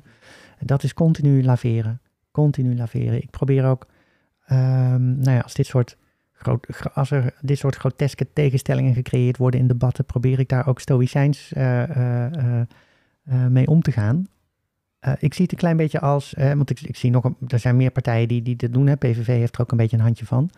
Ehm, eh, want die kom ik tegen in debatten, Forum voor Democratie niet, hè, want die, die zijn alleen maar Kamerlid op Twitter. Ja, ja, die debatteren niet. Nee, die, nee. Ehm, daar vind ik wat van, geloof ik. Maar goed, eh, Dat mag. Graag. de mensen van de PVV die kom je wel in debatten tegen. Dus die nemen ook daadwerkelijk deel aan het politieke debat. Dus dat is wel hartstikke goed. Eh, nou ja, hun stijl is niet de mijne. Ehm, en ik zie dat dan ook als ze in een debat dan... ehm, eh, ja, zo vanuit groteske frames proberen D66 weg te zetten. Dat zie ik een beetje als een uitnodiging om te dansen. En die kan je afslaan. Je kunt ook zeggen, joh, ik weet dat je nou een bepaalde dans wil doen. Eh, ik zit deze ronde even uit, laat Ja. maar zitten. Ik ga weer gewoon naar de inhoud van het debat. Ehm, want ik vind dat ik gekozen ben door kiezers om eh, de, de, de samenleving mooier te maken. We hebben grote problemen en aandachtspunten op te lossen in onze samenleving. Het zijn ingewikkelde vraagstukken. Want als ze makkelijk waren, dan waren ze al lang opgelost. Ehm, dus de kiezers verdienen het dat ik serieus en op de inhoud met die problemen bezig ben. En als ik ga dansen met de PVV, ben ik niet de problemen van kiezers aan het oplossen. Dan ben ik, eh, nou ja, een, een mediapodium aan het, eh, aan het eh, Ja, cultiveren. maar de verleiding moet soms toch wel heel ja, groot precies. Je- zijn. om is heel knap dat je, dat, dat je het kunt, dat, die afstand kunt houden. Ik zou daar helemaal in emotie in opgaan en boosheid. En, en, ja, nou die voel ik soms ook. Ehm, ehm, maar ik probeer inderdaad eh, ja, op dat moment de emotie niet, eh, niet mijn, eh mijn leidraad nee, laten ja, ja, ja, dat Ja. is ook beter. En je hebt verschillende portefeuilles, hè? heel verschillend. Ja, ja. Eh, digitale. Ja, eh, digitale zaken heet de portefeuille. Dus dat gaat over de, de, de, de vraagstukken van... eh hey, wat doet nou digitale technologie in onze samenleving? Hè? We hadden het net al heel even over, over social media. Hoe ja, bepalend en ook ontwrichtend die kunnen Ja. zijn in ons publieke debat. De manier waarin we in de samenleving met elkaar in gesprek zijn. Dus dat is een heel belangrijk vraagstuk. Daar ligt echt een taak voor de overheid om dat eh, ja, te reguleren. Ehm, maar het gaat bijvoorbeeld ook over wat doet de overheid zelf met digitalisering. Ehm, en eh, hoe gebruiken ze nou technologie om bijvoorbeeld fraudeurs op te sporen. Nou, we hebben de toeslagenaffaire natuurlijk gezien. Als je technologie gebruikt om fraudeurs op te sporen en die technologie deugt niet, dan ga je allerlei onschuldige mensen niet alleen aan de schandpaal nagelen, maar ook door de uitwerking die dat dan heeft met boetes en dergelijke, levens verruineren. Dat is de impact die technologie kan hebben als je het niet, niet goed doet. Eh, dus de overheid heeft ook als taak om in de eerste plaats dit soort dingen zelf niet verkeerd te doen. En in de tweede plaats ook naar de rest van de samenleving. Ja, ook regels en normen op te stellen. Van hey, als we dit soort technologie gebruiken, dan moet dat aan bepaalde ja, eisen voldoen. Als je dit soort algoritmes eh, gebruikt, dan moet je van tevoren, dat is een van de dingen die D66 bijvoorbeeld geroepen heeft, dan moet je van tevoren een mensenrechtentoets doen van wat is nou de impact op fundamentele mensenrechten als we deze technologie inzetten. En hoe kunnen we garanderen dat die impact zich niet nou, op een negatieve manier laat zien. Dus op een heel breed vlak, en dan heb ik het nog niet, e- niet eens over de economische kant van, van digitalisering. Hoe benutten we nou als Nederland de kansen die we hebben, omdat we ehm, veel kennis hebben van chips, eh, technologie, veel kennis hebben van kunstmatige intelligentie. Hoe benutten we dat nou economisch? Eh dus ook nog een aspect. Dus een heel breed palet aan, aan, aan manieren waarop digitalisering onze samenleving beïnvloedt. En waar je als overheid dus ook een rol hebt om eh, ja, daar kaders voor op te stellen en, eh, en dus te reguleren en te stimuleren. Ehm, dus een heel mooi breed vraagstuk, eh, waar ik met mijn nou ja, ervaring in de ICT eh, ook... eh, Is het Ah, zo dat je dat dan zelf uitkiest? Hoe werkt zoiets, die, de, de, ja, de portefeuilles die je krijgt? je kiest het een beetje zelf uit en je bepaalt het een beetje met elkaar als, als fractie. En uiteindelijk, nou ja, de, is de fractieleider niet voor niks de fractieleider. Dat als het ingewikkeld wordt, dan, nou ja, dat is de knoop, die wordt dan gehakt.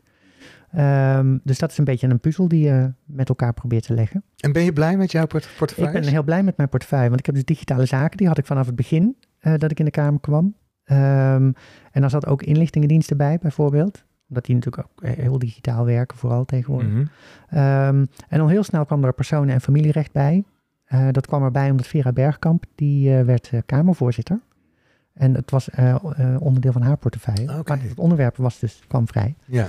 Ehm, dus dat heb ik in portefeuille genomen. Heel mooi werkveld waarin je probeert ja, de wetten zo te maken dat iedereen kan samenleven op de manier waarop hij dat wil. Hè. Ja. Dus het gaat over trouwen, scheiden, kinderen krijgen, eh, eh, geboren worden, doodgaan. Hè. Dus ook erf, eh, erfrecht valt daaronder. Ehm, eh, dus, ja, ik- Maar dat is wel grappig, want je kan eigenlijk zeggen dat die- jouw portefeuille deels bestaat uit je ervaring, je zakelijke ervaring, Mhm. 15 jaar ICT-ervaring. En aan de andere kant ook misschien meer het persoon, de persoonlijke kant van je Ja. leven. Ja, nee, dit, eh, ik deel je analyse, is zo. Ja, ja en, en om, om dat model dan toch te doorbreken, heb ik sinds kort, eh, sinds we eh, ehm, eh, het huidige kabinet geformeerd hebben. Rob Jetten onze, is nu onze minister voor Klimaat en Energie. Die zat eerst natuurlijk in onze fractie, dus daar viel ook weer een portefeuille vrij. Dus dan gaat, nou, gaat het hele schuifproces weer beginnen. Er zijn ook mensen die zeggen, hey, ik heb toch een bepaalde ambitie, ik zou eigenlijk die port- portefeuille willen hebben. Eh, en in die puzzel heb ik eh, eh, op een gegeven moment geroepen, ik wil eigenlijk mobiliteit wel in portefeuille.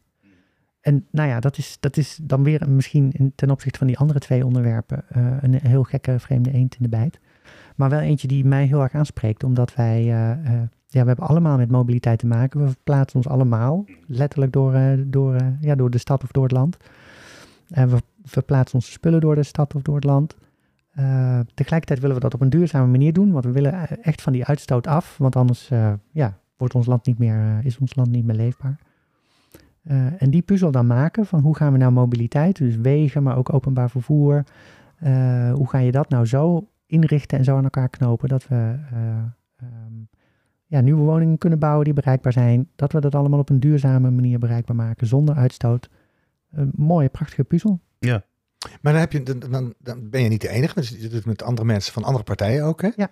Is dat niet heel ingewikkeld? Want het, die, die ideeën over hoe je dat doet, die zullen waarschijnlijk zo ver uiteen eh, lopen vaak. Ja, nee, dat, dat, is, dat is soms zo, ja. ja dat, eh, maar dat is precies het vak van, van Ja. Kamerlid zijn, dat je die, eh, dat proces aangaat. En Ja, toch ja, ja. kijkt van, hé, waar kunnen we elkaar wel vinden? En je hoeft niet met iedereen eh, eh, tot een vergelijk te komen. Het gaat er, ik zei het net al, het gaat erom dat je meerderheid vindt voor je idee. Ja, ja. Een meerderheid is genoeg. En hoe doe je dat dan? Ga je ook dan persoonlijk nog met mensen praten als je echt iets voor elkaar wil krijgen? Zeker, zeker, ja. Dus eh, we communiceren ons suf, zeg ik maar. Man, Hè, ja. dus, dus je hebt ook allerlei appgroepen met weer andere dwarsverbanden. Dus ik heb ook heel veel contact met lokale D66-afdelingen en lokale fracties. Hè, dus ook met de D66-raadsleden hier in Amsterdam. Eh, over dit soort vraagstukken. Ehm, ja, wat vinden jullie daar nu van? En eh, eh, ja, dat neem ik allemaal mee in dat hele proces. Het lijkt me zoveel. Als je en die digitale dingen en die mobiliteit en dan... ja, het is, het is, het, is ik ook snap veel. niet hoe, hoe dat kan. Hoe dat Ehm, gezond kan voor een mens. Ik geloof niet dat ik gezegd heb dat dit heel gezond Nee, was. dat is waar. Dat heb ik gezegd. Ik ben nogal met gezondheid bezig. Nee, dat is waar. Ja. Ehm, ja, het is, eh, het, het is, het is een pittige, pittige baan. Ik noem het al een achtdaagse werkweek. Ja. Ja, en dan kun je nou eh, nog voorstellen, wij hebben als D66 24 zetels. Dus wij moeten alle maatschappelijke onderwerpen, alle politieke onderwerpen met 24 mensen delen. Of over 24 mensen verdelen. Maar er zijn dus ook fracties van eh, zeven personen, van Ja. drie personen, van Ja. één persoon. Ja, het is natuurlijk duidelijk dat hoe kleiner die fractie, eh, hoe meer ze moeten kiezen. Ja. Welke onderwerpen zetten we wel energie in en welke laten we maar gewoon helemaal links liggen. Ja. Dat kan niet anders. Ja. En dat doen wij als, eh, als fractie van 24 ook soms. Dat je denkt, ja, ik vind hier wel wat van, maar ik heb er echt geen tijd voor. Het is niet het allerbelangrijkste onderwerp. Ik laat het maar even zitten. Je kan niet anders. En met jouw team van eh, D66, eh, eh, was je trouwens altijd D66-stemster? Ik heb bijna altijd op D66 gestemd. Waarom? Dat ben ik zo benieuwd naar. Nou, ik, ehm, voor mij, eh, ik ben iemand die ehm, ehm, persoonlijke vrijheid, zelfbeschikking, dus zelf mogen bepalen hoe je leven eruit ziet en hoe je je leven wil leven. Dat is voor mij zo'n belangrijke fundamentele waarde. Eh, eh, ehm, dus die, dat vertaalt zich voor mij ook in, in politieke kleur. Dus ik ben echt een liberaal in dat opzicht. De overheid moet me niet te veel voor de voeten lopen. De overheid moet burgers niet te veel voor de voeten lopen, moet bedrijven niet te veel voor de voeten lopen. Tegelijkertijd moeten we wel goede afspraken hebben dat we ook nog een samenleving blijven. Ja. Eh, want anders wordt het eh, eh, niet alleen chaos, maar ook voor mijzelf heel erg onprettig. Hè? Dus, dus die individuele vrijheid betekent ook dat je dat in verbondenheid, dat besef van verbondenheid hebt. Ehm, en ik zie ook heel erg dat ehm, niet iedereen in de omstandigheden is om die persoonlijke vrijheid goed te kunnen benutten. Er is een grote kansenongelijkheid in onze samenleving. Maakt echt uit, eh, ehm, nou ja, welke postcode er op je geboortekaartje stond, zal ik maar zeggen. Ja. Eh, en dat, ja, dat, dat, dat vind ik echt schrijnend om te zien. Die verschillen zijn echt heel groot soms. Ehm, en ik vind dat we voor elkaar moeten zorgen. We, moeten, eh, we, we zijn een samenleving en dat begint niet voor niks met het woord samen. Ehm, dus die sociale kant vind ik net zo belangrijk als die persoonlijke vrij, eh, vrijheid. Ja, ja. En dan is er maar één conclusie. Dan kom je uit bij sociaal-liberaal. En dat is D66. Dat is de enige partij die ja, op die plek staat in het Nederlandse politieke spectrum. Ehm, dus ik heb me daar altijd eh, heel senang bij gevoeld. Ik heb in het verleden, dat noem ik altijd jeugdzondes, ook wel eens een enkele keer VVD gestemd. Een enkele, enkele keer Partij van de Arbeid gestemd. Een beetje, nou ja, om, om te proeven van klopt dat nou eigenlijk wel, dat ik sociaal-liberaal ben, dat die twee Mhm. kanten, eh, klopt dat nou wel? Ben ik niet toch meer, eh, nou ja, sociaal-democraat of niet toch meer echt liberaal? Nou, conclusie is nee, ik ben echt een sociaal-liberaal. Ik ben echt een D66. En, en eh, hoe, lang, hoe, lang, hoe lang zit je dan al bij eh, D66? Ben je dan al heel lang lid ook? Nee, ik ben helemaal niet heel lang lid. Eh, ik was een trouwe kiezer, maar Oh. niet actief. Ik ben inmiddels denk ik een jaar of drie geleden lid geworden. Met het idee ook om ooit de politiek in te gaan? Sterker nog, eh, ehm, dat was tijdens de Provinciale Statenverkiezingen, dat de opkomst van Forum voor Democratie, de vorige Provinciale Statenverkiezingen. En Thierry Baudet die zei zoveel vrouwenonvriendelijke dingen en zoveel polariserende dingen, dat ik op een gegeven moment het punt bereikte, dat ik nu is het gewoon genoeg, ik ga me er nu mee bemoeien, nu ben ik er klaar mee. En toen ben ik lid geworden van D66 met het idee om een gooi te doen naar het Kamerlidmaatschap. Dus eigenlijk aan, aan Heel Heel Thierry- gelukt ook. Heel doelgericht eh, daar- Wauw. daarop afgegaan. Ja. We hebben dan gewoon aan Thierry te danken dat er nu een Ja, transvrouw Dus in de ik- Tweede Kamer ja, zit. zeker. Dat, eh, dat, eh, ik geloof niet dat hij dat leuk vindt. Maar eh, dus ik zeg met een knipoog ook altijd dat eh Thierry Baudet mijn politieke inspirator is. Ja, ja, ja, ja. Goh, Eh, wat doelgericht. Ja, dat... dat eh, Nee, Sorry. Nee, nee ik, ik, ik vroeg me af, ja, je zit natuurlijk nog maar eh, niet zo lang in de Tweede Kamer, maar zijn er misschien al bepaalde wapenfeiten waar je wel trots op bent? Of is het nou nog te vroeg? Wat wil je zeggen? Nou, eh, volgens mij heb jij mede ervoor gezorgd dat eh, mensen die niet getrouwd zijn eh, hun kind kunnen... Dit is... dat dat vast... ja, hoe zeg je dat? ja, nou, Op politieke dingen doe jij dat maar. dat kan ik allemaal niet. nou, ik heb recent de eer gehad om iets af te maken wat Vera Bergkamp ooit in gang heeft gezet. Dus zij heeft toen het initiatief genomen om een nieuwe wet te maken. En wet te maken is echt heel erg ingewikkeld soms. En heeft echt heel veel tijd nodig.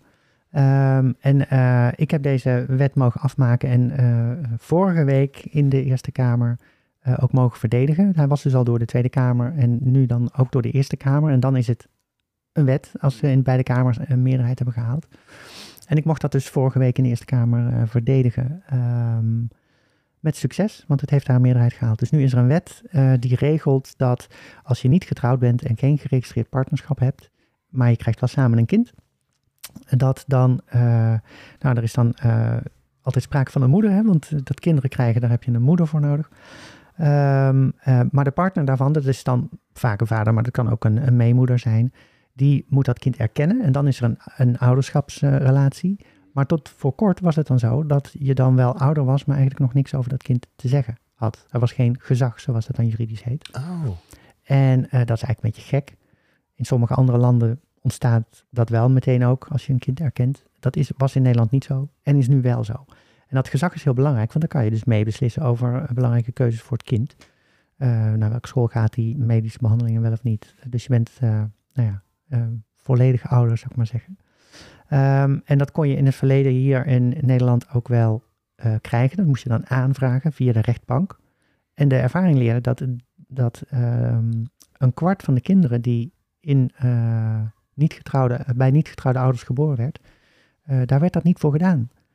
En dat zorgde er bijvoorbeeld voor dat als dan de relatie van de ouders ehm, stopte, als die uit elkaar gingen, dat dan de ene ouder helemaal bleek, eh, dat, die toen pas, dat toen pas bleek dat die ouder helemaal geen gezag had over dat kind. En dus formeel ineens niks meer te zeggen had. Ja. Ja, het is super pijnlijk, omdat voor het belang van het kind dus essentieel is dat beide ouders een rol kunnen vervullen, en liefst ook vervullen, eh, in, in de opvoeding. Dus in het belang van het kind is het goed om dit te regelen. En het heeft natuurlijk ook een belang voor de vader of meemoeder, zodat die uh, dienstrechten ook goed geborgd zijn. Meemoeder. Meemoeders. Dat heb ik nog nooit gehoord. Leuk. Ehm, nou, het is heel mooi dat je dan met zo'n wet het leven van mensen concreet verbetert. En een ander, een ander wapenfeit is eh, dat ik eh, onlangs eh, de minister van Economische Zaken eh, nou, je heb gedwongen in, in zekere zin. Ik heb een motie, heet dat dan, hè, dus een opdracht eigenlijk aan het kabinet eh, uh, opgesteld. En die heeft een meerderheid gekregen in de Tweede Kamer. Waarmee ik de minister voor Economische Zaken eigenlijk dwing om uh, ervoor te zorgen dat iedere ZZP'er die dat wil, nu eindelijk zijn privéadres af kan schermen in, de kamer, in het handelsregister van de Kamer van Koophandel. Dat is een st strijd van jaren. Um, en de minister moet er nu nog wel even gaan doen hoor. Maar... Heeft, heeft het ook iets te maken toen met de bedreiging van, hoe heet het ook alweer, jouw collega? Um, Sigrid Kaag. Ja. Um, nou, niet per se, uh, want daar was iets anders aan de hand. Daar werd ja. gewoon op social media het privéadres van Sigrid gedeeld. Ja. Uh, maar je ziet dat uh, van de miljoen ZZP'ers die wij in Nederland hebben, die schrijven zich in bij het handelsregister. Hè, dat moet als je een bedrijf start. En dan heb je een vestigingsadres en een privéadres. En dat tot nog niet zo heel erg lang geleden waren die bij, beide adressen gewoon Ah, openbaar. op te vragen in het Ah. handelsregister, gewoon openbaar. Ja. Ehm, en het eh, privéadres werd dan sinds 1 januari van dit jaar al afgeschermd. Na heel veel gezeur van de Kamer eh, is uiteindelijk gebeurd. En, eh, maar het vestigingsadres niet. Maar voor de meeste ZZP'ers is dat hetzelfde. Ja, ja, ja. Ehm, eh, dus dan is nog steeds eigenlijk je woonadres openbaar te raadplegen voor iedereen die dat wil. En als je nou journalist bent bijvoorbeeld en kritische stukken schrijft, dan krijg je, als je niet uitkijkt, dat is dus ook gebeurd, dreigende stickers op je voordeur, vizier op links. Ehm, hebben jullie misschien in de media mee- meegekregen. Ehm, maar, eh, dus je bent daardoor kwetsbaar. Dus eh, journalisten, maar ook advocaten die eh, kwetsbaar zijn. In de coronaperiode ook artsen die op hun privéadres nou ja, bedreigd werden. Politici. Er zijn heel veel beroepsgroepen die kwetsbaar zijn voor eh, bedreiging aan het privéadres. En dat betreft natuurlijk niet alleen die ZZP'er zelf, maar het hele gezin, hè? ook de kinderen. Dus er zijn echt heel veel schrijnende voorbeelden van hoe dat mis, eh, mis kon gaan. En ehm, nou ja, ik, ik, ik, ik vond dat eh, de minister niet opschoot met het probleem oplossen. Dus ik heb gezegd, ga het probleem nu oplossen. Ik wil dat je regelt dat vanaf eh, het meireces, dus vanaf mei, eh, iedereen die dat wil, elke ZZP'er die dat wil, eh, dat hij dat eh, kan laten afschermen bij de Kamer van Koophandel. En, en en zo- zo'n motie indienen. Hoe heb je dat geleerd? Krijg je een cursus als je Kamerlid wordt? Of heb je jezelf... Ja, Hoe werkt dat? Nou ja, je krijgt inderdaad, ik denk dat het bij alle fracties eh, een beetje vergelijkbaar gaat, maar dat weet ik natuurlijk niet precies. Bij D66 is het zo dat je in ieder geval eh, eh, ja, vanaf het begin inderdaad een aantal ja, echt, nou ja, cursusjes krijgt over van hoe, hoe doe je bepaalde dingen. Ehm, eh, en je, wordt ook, je krijgt ook een buddy, dus een ervaren Kamerlid. Ah, Oké, ja. Ehm, en de tweede Wie was bij jou? Salima Belhai. Oké. Dat is, die- da- ja, dat, ik, ik vind haar geweldig. Uh-huh. Dus eh, wel een voorbeeld. Ehm, en daarnaast zorgt de Tweede Kamerorganisatie voor alle nieuwe Kamerleden van alle fracties ook voor inwerkprogramma's waarin, nou ja, heel droog, de techniek van hoe werkt nou het parlementaire Ja. proces? Welke instrumenten heb je tot je beschikking? Hoe, hoe werkt dat nou eigenlijk? Wat is nou eigenlijk een motie en wat is een amendement? En wanneer kun je het een en het ander doen? Ehm, ik had daar voordat ik de Kamer in kwam wel een soort algemeen vaag beeld van. Ik wist wel iets van nou ja, bestuurskunde en, en eh, wetten, eh, maar heel algemeen. Ehm, maar ja, je springt het zwembad in en je gaat zwemmen. Hè? Ja, dat, is het ook. En dan is het fijn dat er dus inderdaad ervaring om je heen is die je kan benutten. En dat je mensen hebt eh, met veel kennis en expertise om, ja, om in te schakelen. Ja, maar heb je dan niet dat je achteraf vaak denkt... Oh, als ik dat had geweten eerder, weet je, bepaalde dingen. Ja, dat heb ik het afgelopen jaar natuurlijk heel vaak, Ja. heel vaak gedacht. Ja. Wat heb je veel geleerd in dit jaar? Ik, oh, ja, ongelooflijk veel, overweldigend veel geleerd. Natuurlijk over het hele parlementaire proces, ook over het politieke handwerk. Want ja, ik, had, eh, ik, ik, heb al wat bestuurlijke ervaring, eh, had, ik- voordat ik de Ka- de Kamer in kwam. Maar hoe je nou echt ehm, ja, met, met, met andere fracties onderhandelt om tot een gezamenlijke conclusie te komen. Eh, ja, als je dat dan gaat doen in die nieuwe dynamiek, dan leer je daar natuurlijk ook weer ontzettend veel van. Ehm, maar uiteindelijk, weet je, je brengt heel veel bagage mee als Kamerlid. Ehm, eh, hoop ik dan. In, in mijn geval eh, heb ik natuurlijk heel lang buiten de politiek gewerkt. En al die ervaring die ik daar heb gehad in het veranderen van organisaties, in het ontwikkelen van teams, in het ontwikkelen van mensen, in het doen van ICT-projecten, het managen van ICT-projecten. Eh, ja, hele diverse ervaring, die is allemaal nuttig en bruikbaar Ja.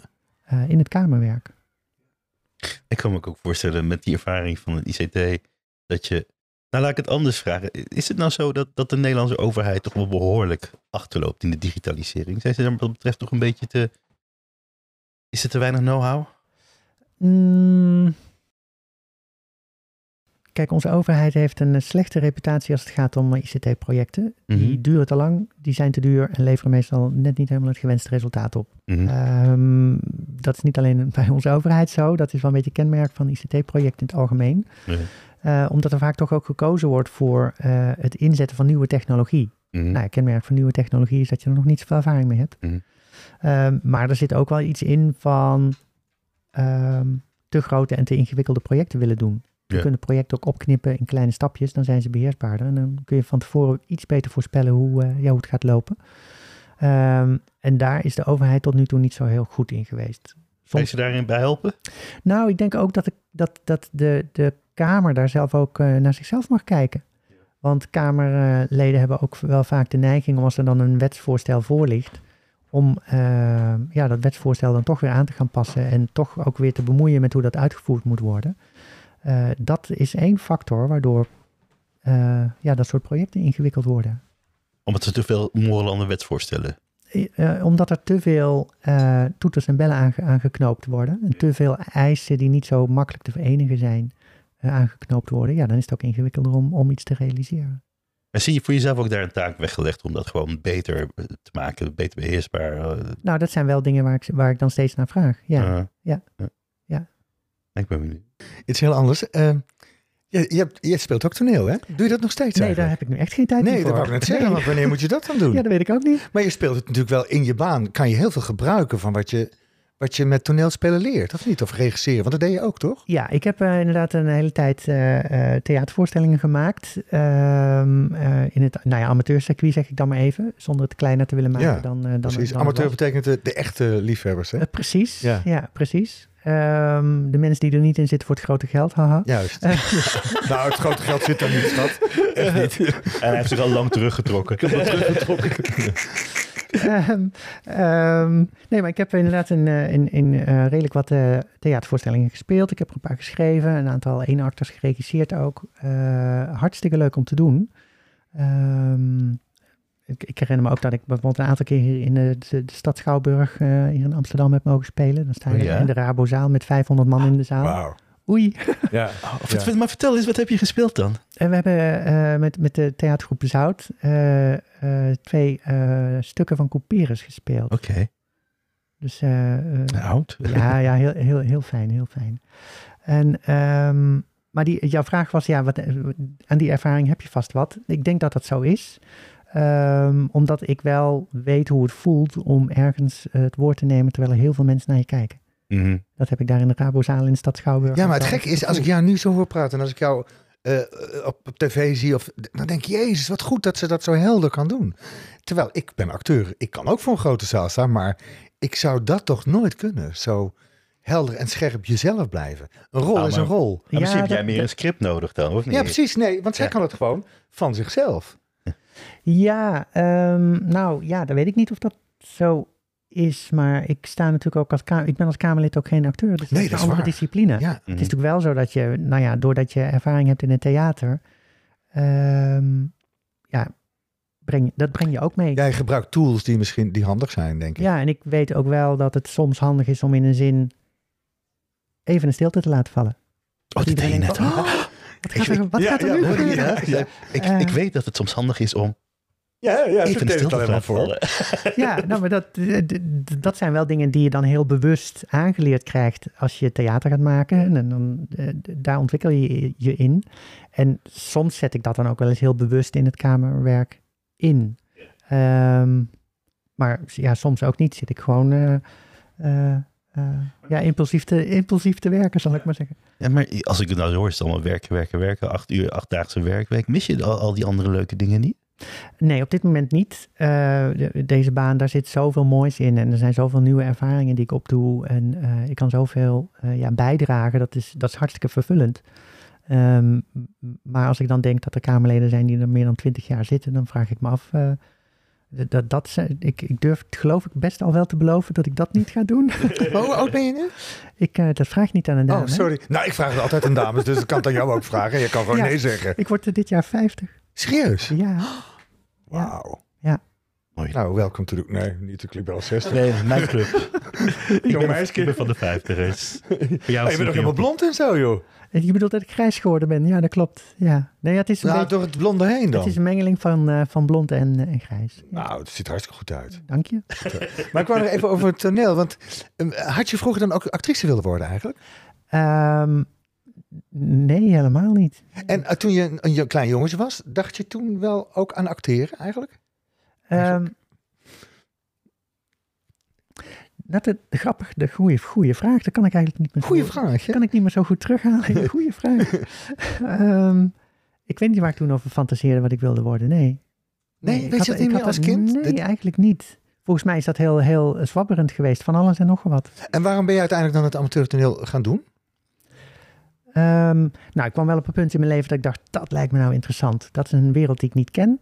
Eh, want zo steek ik ook in elkaar. Ik wil Eh, nou ja, als je naar mijn carrière kijkt, dan zie je ook dat dat nogal meandert. Ik heb verschillende dingen gedaan. Ehm, dus dat was voor mij een belangrijke drijfveer. Ik wil dat ervaren, want eh, je ziet dan, als je naar theater gaat, dan zie je dat gebeuren vanuit de, vanuit de zaal. Dan denk je, wat een magische wereld. Wat, hoe moet dat nou zijn als je die magische wereld mag creëren? Of als je een film ziet in de bioscoop of op tv, dat je denkt, hé, hey, hier zit ik te kijken naar iets wat zo ontzettend waarachtig voelt, wat mij kan raken en ontroeren. Uh, en op die manier dus een, een, een on, onmetelijke echtheid heeft, terwijl het allemaal nep is. Dat is bijna schizofreen, of op zijn minst ambigu. Uh, fascinerend. Hmm. Hoe werkt dat? Dat was voor mij de drijfveer om, uh, ja, om daarmee bezig te gaan. Hoe lang heb je dat gedaan? Ik denk dat ik in totaal een jaar of tien toneel heb gemaakt. Oh, dus je hebt echt wel veel ervaring ook daarmee. Ja. Ik heb wel, ja. En dat is hard werken, zeker eh, als amateur lijkt me, omdat je daarnaast nog een baan hebt en iedereen. Dat is zeker, zo... Uh... Zeker, ja. ja. Maar goed, uh, ja, nu werk ik ook hard. Dat past bij mij. Ja. Kennelijk. Ja. ja. Dat zal wel even zo doorgaan met jou, ja. Ja. Leuk, Lisa. Echt leuk om jou te spreken. Ja. Nou ja, omdat wij natuurlijk niet zoveel gesproken hebben nee, in de Stilde dat, is, dat is waar, ja. Dit is heel wat anders. Dus nu hoor ik ineens... het allemaal inhalen. Ja, dat Ja. vind ik leuk. Dat is echt leuk. Oh, wat voor gezin kom je eigenlijk? Eh, ja, ik, eh, v- vader, moeder, twee zussen en een hond. Maar een volksgezin of een... eh, Wat, wat deed vader bijvoorbeeld? nou, de, ehm, om de relatie te trekken met mijn Kamerlidmaatschap. Ik kom niet uit een politiek nest. Mhm. De- de- eh, en er was natuurlijk wel op gezette tijden eh, eh, verontwaardiging over wat er in de maatschappij gebeurde. En, en of wat de politiek daarmee deed. Zoals dat in elk gezin wel is, denk ik. Maar we hadden daar eigenlijk nooit eh, de- de- gesprekken over. Of eh, nee, niet politiek geëngageerd. Mijn vader was, eh, was elektricien. Mijn moeder die eh, was, eh, ja, toen ze vanaf het moment dat ze ging trouwen, was ze huismoeder. Ja. Zo ging dat in die tijd. Echt bizar, kun je je nu helemaal niks Ja. bij voorstellen. Maar ze werd ontslagen omdat ze ging trouwen. Ja. Ehm, Dat is gewoon, hè? ja, even, even perspectief, hè, hoe Ja. de Ja, ja, samenleving ja, ja, zich kan ja. ontwikkelen in, in een paar Zo decennia. snel, ik Ja. weet het, ja. Ja. Dus ehm, eh, ja, gewoon een, een, een modaal gezinnetje. En en die stemde niet D66, neem ik aan. Nee, Nee. PvdA? Leven ze nog, je ouders? mijn, eh, mijn moeder leeft nog, mijn vader niet. Ah, oké. En, Nou, en dat, ja, dat wil ik weten. ik- ik- Ik het ga toch even vragen, en je hoeft niet te antwoorden, maar hoe is de relatie met je moeder nou? Eh, goed. En, Ja. die, en die heeft het komt helemaal vrede mee gevonden dat je vrouw bent? Ja. Oké. Ja, en dat was ook daar, eh, hè, we, had, eh, we hadden het er daar straks over, was ook voor mijn moeder wel een zoekproces van hoe ga ik me hier naartoe verhouden. En dan zeg ik het nog even heel klinisch, maar Mhm. dat is, ja, dat is voor iedereen eh, natuurlijk een proces. Maar ze zullen allemaal zo trots op je zijn. Ik stel Nou, het me zo voor. Mijn moeder zei dat laatst eh, letterlijk tegen mij. Ja. Dat vond ik heel bijzonder om, eh, ja, om te Maar het horen. is ook zo. Dat, ik, dat kan niet anders dan dat je trots bent op als je ziet wat je gedaan hebt in je leven. Ja. Hoe je dat op aanpakt en waar je nu bent. Ja, ik ben zelf ook wel te, tevreden. Ben maar trots hoor. Je mag heel trots zijn op jezelf. Even kijken, kom je nog aan andere dingen toe? Nee, dat, eh? doe je wel eens sport of zo? Ehm, te, te weinig, en zeker nu. Het fietsen naar het station en eh, terug. Ja, nou ja, gelukkig is het, eh, is het gebouw waar we nu zitten van de Tweede Kamer eh, behoorlijk groot en een enorm doolhof. Dus mijn, Oh ja, mijn, jullie- stap- mijn stappen haal ik wel. Ja, want je zit niet meer in het oude. Dit wordt Nee, verbouwd het, nu. het hè? Binnenhof wordt verbouwd. En ik heb vorig jaar wel de eerste vier, vijf maanden op het Binnenhof mogen werken. Wat heel bijzonder is, want je, je voelt letterlijk, je voelt, eh, ja, dat hoef ik jou als acteur natuurlijk niet uit te Nee, ik heb het wel eens gefilmd, dus ik ken Oh, ik het leuk. wel. Ja. Ja, maar je, je, je voelt in een ruimte voel je een zekere energie, een soort van Mm. aanwezigheid van wat zich daar allemaal heeft afgespeeld. Dat voel je in het Binnenhof heel duidelijk. Mm. Daar, dat is echt eh, ja, eeuwenlang het hart van onze democratie al. Eh, en dat voel je als je daar in dat, in dat gebouw rondloopt. Heel, het is heel bijzonder om daar te mogen werken. Fijn denken als een soort steun in de rug of zo. Als een inspiratie om... eh, Ja, ja. Even kijken, kijk nog heel even snel hoor. ICT privacy. Nee, dat heb je allemaal verteld. Marcel, als je niet vraag stelt, mag je gewoon rustig eh, formuleren. Dus eh, je voelt je niet haast om... Oh, Oké, ja, ja, ja. Dan moet, Moet ik het sowieso gaan eh, Ja, dingen ja, zo? ja. Blablabla. Dus neem je tijd om... eh, Neem je tijd. Wees niet zo Ja, opa, ik ben snel. Ja, ben 62 man. Hij komt ook uit Brabant, hè? We zijn hiermee drie Brabanders. Ehm ehm, ja, dan moet ik, nou ga ik acteren ineens. Dat is niet de bedoeling. Wacht even. nee, dat, dat doe jij zelf. Ja, dat doe ik zelf. Maar dat is, als er Nee, maar je, het was meer dat je... als een regieaanwijzing voelt het. Oké, sorry. Voel Nee, je is vooral- goed. Voel je vooral niet dat ze, Oh ja, Ja, voel, neem de tijd. oké. Speeding, Dat baby. is als je, Ook iets gaan Ja, maar ik weet niet wat ik wil. Ik moet me concentreren. Nee, ik wil nog even iets van Lisa. mee- Oh ja, Lisa, even nog over, over, over wat ik... Toen je binnenkwam, viel me op dat je er zo goed uitzag. Ook, nee, ook zo je kleding zo goed. En Ja, dat valt me elke keer echt. op. Dat ik denk, de, eh, heb je daar een styliste voor?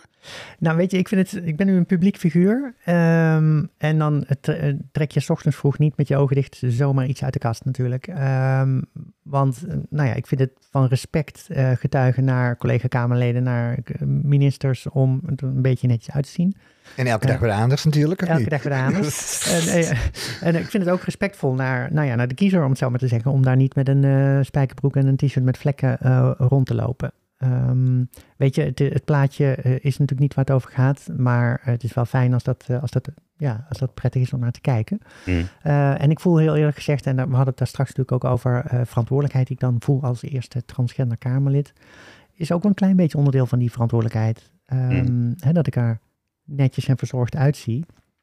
Ehm, want voor heel veel mensen eh, in ons land was ik eh, het eerste transgender, eh, de eerste transgender persoon die ze misschien wel bewust Ja, dat denk ik. Dat denk ik.